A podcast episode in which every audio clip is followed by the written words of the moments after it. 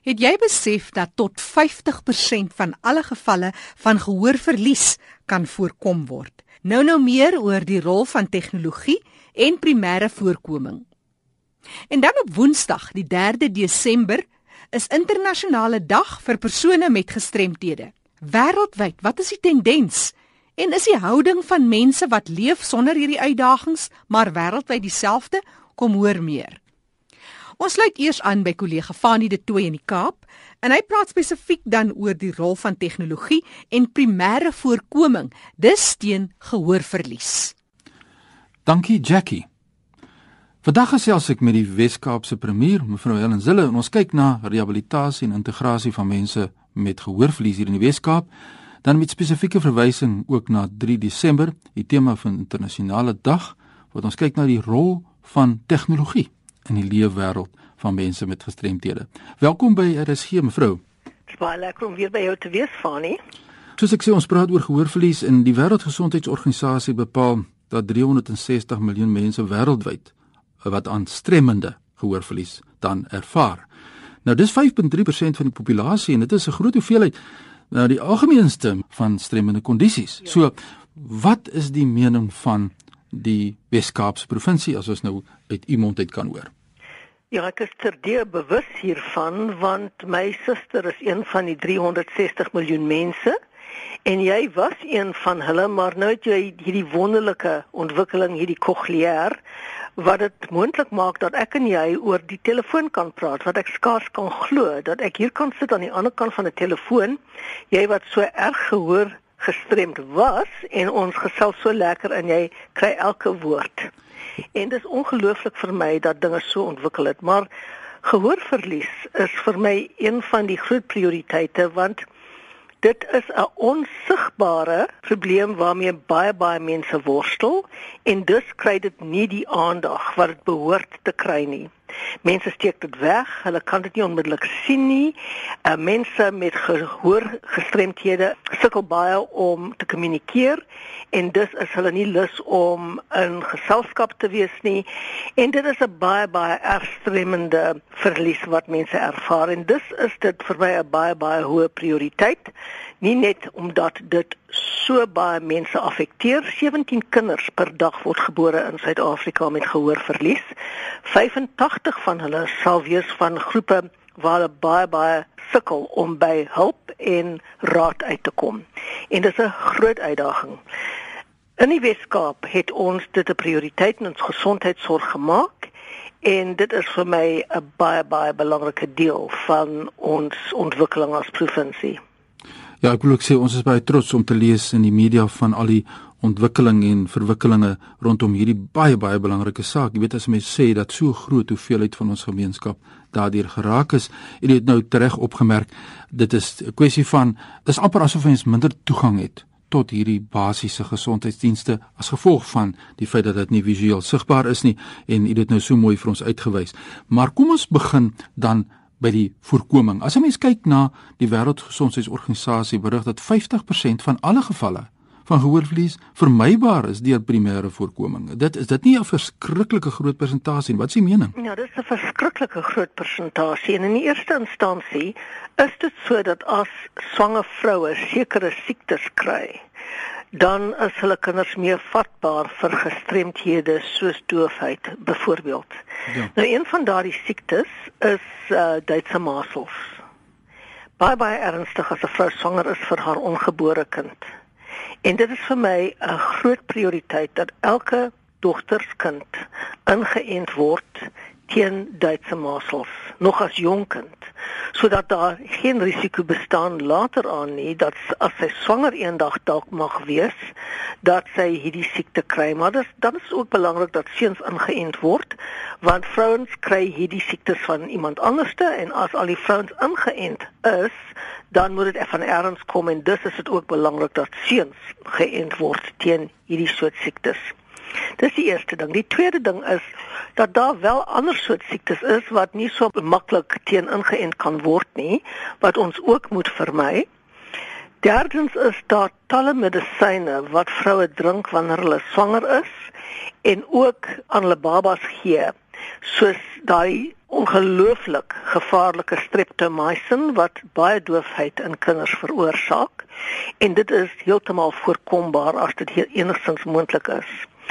Dan is daar die probleem van vroue wat gedurende hulle swangerskap baie drink en dit is 'n baie groot uitdaging. So al daardie soort oorsake van doofheid is voorkombaar en die tieners wat nou na sulke harde musiek luister is ook 'n groot bekommernis vir my want hierdie geraas die hele tyd in die ore met daardie uh, headphones soos hulle dit noem, die kopfone. Ja. Hulle is geweldig gevaarlik op die lang termyn om die lange duur. En my seuns het dit ook gedoen en ek was geweldig kwaad met hulle destyds gewees daaroor want ek weet wat gehoorverlies beteken. So al hierdie voorkombare oorsake moet ons definitief na kyk, maar vir baie mense is dit nie voorkombaar. Dis geneties of dit iets wat glad nie voorkom kon gewees het nie en ons moet ook baie baie sorgvuldig kyk en veral na elke kind wat uh, gehoor verlies aanlei, is dit geweldig belangrik dat hulle geleenthede in hulle lewens kry. Ja, dis die premier van die Weskaap wat so lekker met my gesels hier in ons program oor die leefwêreld van die gestremde mevrou Helen Zille en ons kyk na ja, gehoorverlies, ons kyk na 3 Desember wat een van die dae gaan kom en ons kyk na tegnologie en die rol van tegnologie en mevrou Die belangrike saak is natuurlik ons weet nou 6 uit elke 1000 babas word gebore met 'n permanente gehoorverlies wêreldwyd. Ja. Nou as 'n mens die ons het nou gepraat oor die vroeë identifikasie en die ongelooflike rol wat taalontwikkeling veral daardie eerste periode in die kind se ontwikkeling speel en dis meer. Nou is daar hierdie uh, sogenaamde newborn hearing screening programme wêreldwyd. Mense praat in die wêreld van elke baba wat gebore is uh, moet getoets word voor 'n maand, dan moet 'n diagnose wees na 3 maande en 'n intervensie moet verskaf word na 6 maande. Dis is nou wat mense kyk die ontwikkelde wêreld. Maar wat is haalbaar hier in die Weskaap? Ja, dit is haalbaar hier in die Weskaap en ek het dit 'n prioriteit in ons gesondheidsplan gemaak. Ons begin met 'n steekproef in Mitchells Plain area. Ja. wat ons vroeër vanjaar geloods het en in daardie gesondheidsarea as ek dit so mag stel sal elke kind getoets word voor 1 maand op die internasionale standaard, die beste standaard, die um, eerste wêreldstandaard as ek dit so mag stel, om uit te vind presies hoeveel kinders gehoorverlies het en dan intervensies, vroeë intervensies te doen veral wat ondersteuning van die familie betref, wat goeie keuses vir daardie kind kan uitoefen, wat die aanvanklike proses van taalontwikkeling kan begin so vroeg moontlik en dis meer. Met al die opsies vir daardie kind of rehabilitasie of vir regstelling of vir ondersteuning wat ook al moontlik mag wees in daardie spesifieke geval.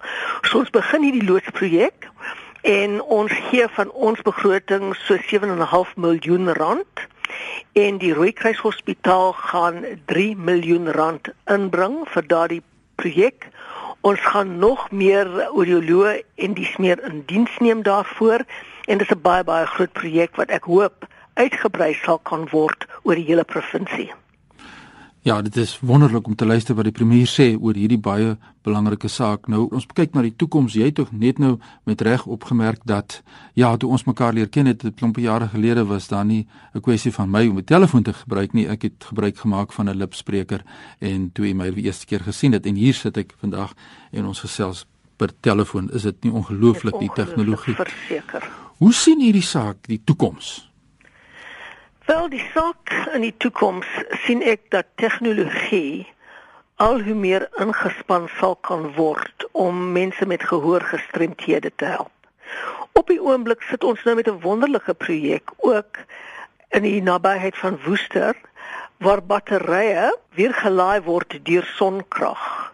So mense wat nie elektrisiteit het nie, kan batterye weer laai vir hulle gehoorapparate wat voorheen nooit kon gewees het nie. So dis nie 'n kokleer nie, maar is nogal 'n ontwikkeling wat 'n baie groot verskil in die lewe van baie mense nou maak.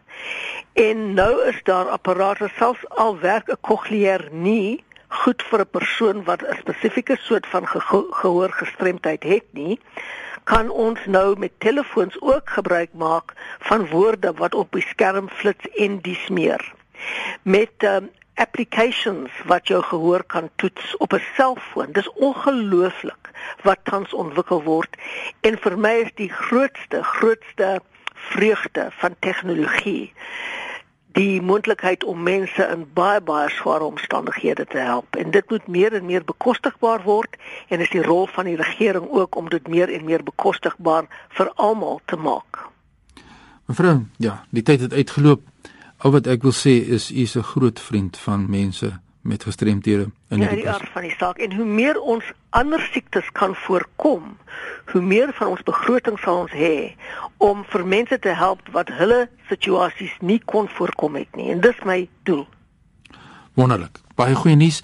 As mense met die premier se kantoor of die departement van gesondheid wil skakel oor sekere uitdagings wat hulle ervaar, is die beste deur die webtuiste te besoek. Die beste is deur die webtuiste en dan sal almal daar die uh, e-posadres van my kantoor kry en dan sal dit baie vinnig gaan.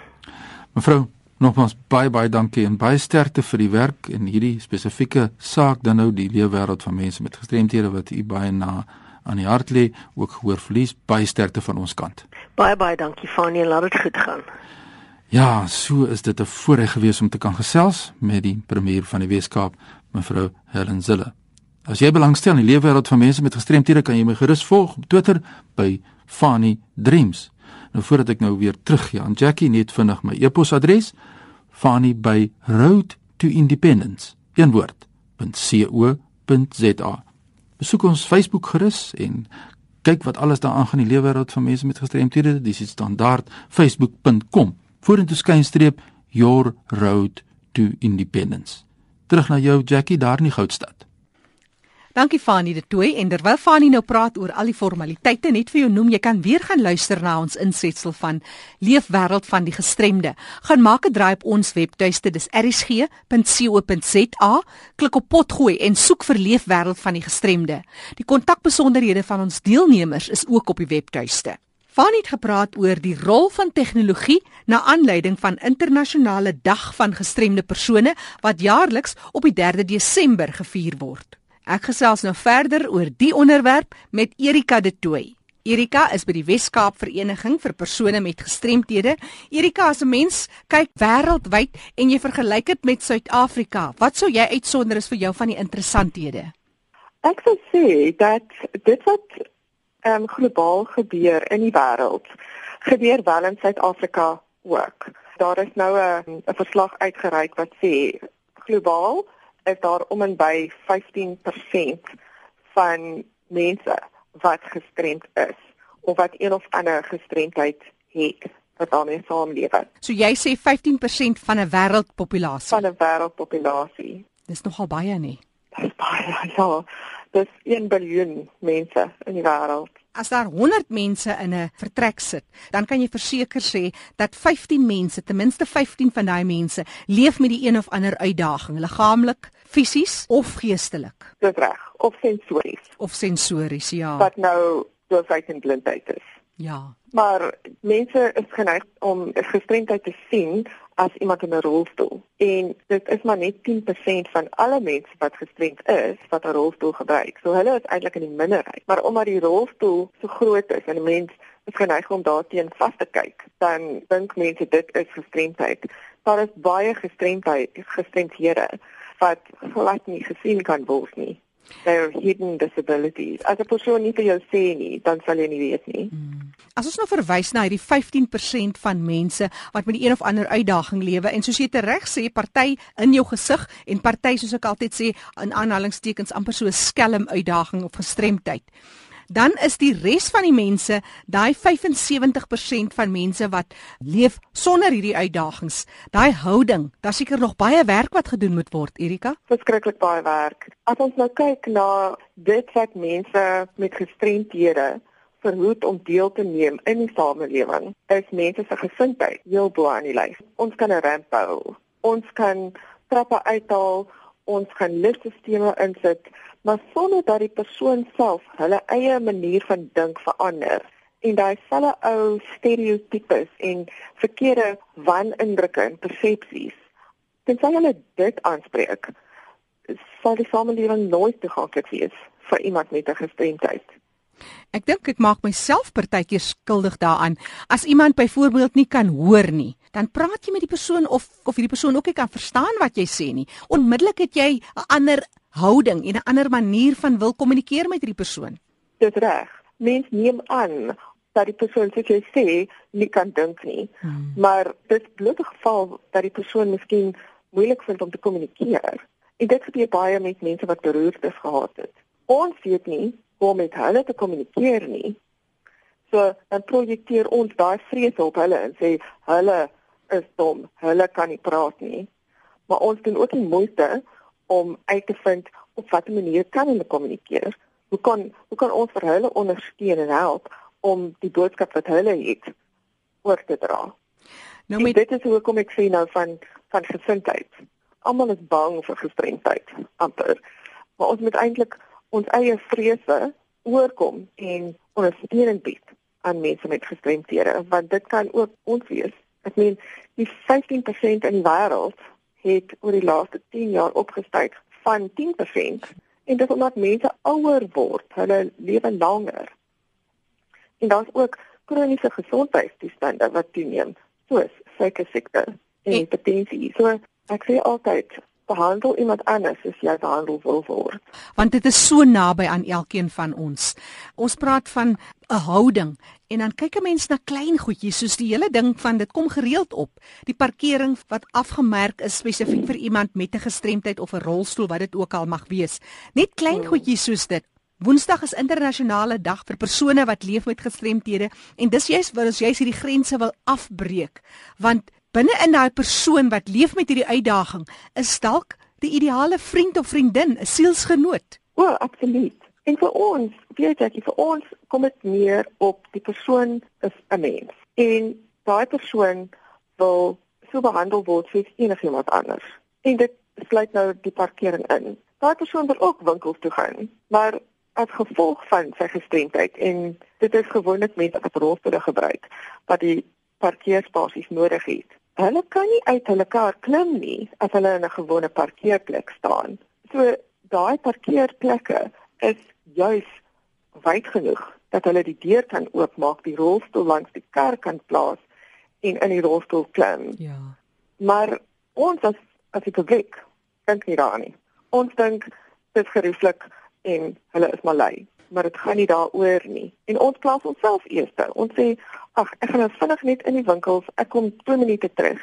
Maar in daai 2 minute ontneem jy iemand van sy onafhanklikheid.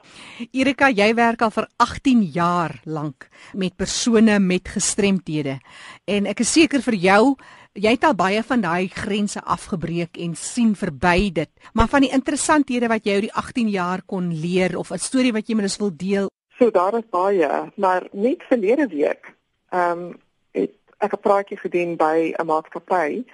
Ehm um, net net gewoonlik oor gestremdheid met die oog op mense in diens neem wat 'n gestremdheid het. En dit was so 'n halfuur ehm um, nie baie in diepte nie en die persoon het na my toe gekom na die tyd en gesê, "So, dit is so interessant. Hy het nie geweet al hierdie goed oor gestremdheid." Hy het gedink dis net mense in rolstoele wat gestremd is. So selfs vandag is daar mense wat so min weet van gestremdheid en ons wat in die sektor werk en mense met gestremdhede self. Ek dink nie ons besef altyd hoe min mense eintlik oor gestremdheid weet. En dis nie hulle skuld nie. Dis ons werk om hulle op te lei daaroor. Maar hoe langer ek hierdie werk doen, hoe meer besef ek is daar om te doen. So daar's nog baie ja. jare wat voor ons voorlê. Erika in Suid-Afrika is die laaste 20 jaar al baanbrekers werk gedoen om die leefwêreld van mense met gestremthede soveel te vergemaklik. Ons het die VN konvensie waarby ons ook, as ek dit so kan stel, die reëls volg. Maar as jy Suid-Afrika hierdie reënboognasie teen ander lande, ontwikkelende lande of ontwikkelde lande sit, hoe vorder ons? Weet ek ek dit hang af dink ek hoe jy daarna kyk. Daar is groot wat in Suid-Afrika al gebeur het. Ons grondwet, die Bill of Rights, al die wetgewing wat ons het is uitstekend. Maar dit word nie toegepas nie. Mm. Daar's nog steeds menseregte skendings teen persone met gestremthede wat elke dag gebeur. as ons kyk na toeganklikheid, is daar wel oor see baie meer toeganklikheid van publieke plekke, miskien. Maar in mense se koppe, daai houding is nog steeds nie reg nie al is jy in 'n eerste wêreldse land. Ek het al gekyk oor see. Dit is maar oral dieselfde. Mm. Daar is lande waar jy nie 'n gestremde persoon op die straat sien nie. Hulle word agter in 'n kamer gehou, niemand praat daaroor nie. En daar is kulture in die wêreld waar sodra 'n baba gebore is wat gestremd is, is dit doodgemaak. Weet julle van gevalle waar dit nog gebeur? Ek ken 'n vrou, wie se dogter nou nie doodgemaak nie, maar ek ken 'n vrou wie sy het 'n dogtertjie gehad en tweede dogter was redelik erg gestrem. En die dokter, en hierdie is seker so 25 jaar terug. Die dokter het vir haar gesê: "Sit daar in 'n inrigting en probeer weer." Sy het toe daar kind gehad, maar wat die dokter sê dit vir iemand, dis 'n kind. En daai dogtertjie is nou 'n volwassene. Sy is nog steeds erg gestremd, maar sy sy het 'n vol lewe en dit word van haar ontneem. Dit is ons praat ook van regte en dit is 'n persoon met 'n gestremdheid se reg om te lewe soos enigiemand anders. Dit is verkeerd. Ons mediese personeel, dokters, hulle verstaan die mediese kant van gestremdheid, maar nie die impak wat dit op die persoon se lewe het nie, die impak mm. op die gemeenskap, op die familie. Ja. Dit verstaan hulle nie. Maar dis ons werk. Ons moet by hulle uitkom en verduidelik van hierdie goeters. Dis Erika de Tooy wat passievol al vir byna 2 dekades lank werk met persone met gestremthede. Sy's van die Wes-Kaap Vereniging van persone met gestremthede. Want die 3de Desember, dis Woensdag, is internasionale dag vir persone met gestremthede. Jy het ook daarna verwys na die regte van hierdie mense. Op die 10de Desember is juis internasionale menseregte dag en ons gaan hierdie gesprek voortsit waar ons kyk na die regte van mense wat leef met uitdagings en gestremthede. Erika, baie dankie vir jou tyd en jou insette in ons program. Nee, dit is 'n groot plesier. Dankie Jackie. Ek is Jackie Jandri wat groet tot 'n volgende keer.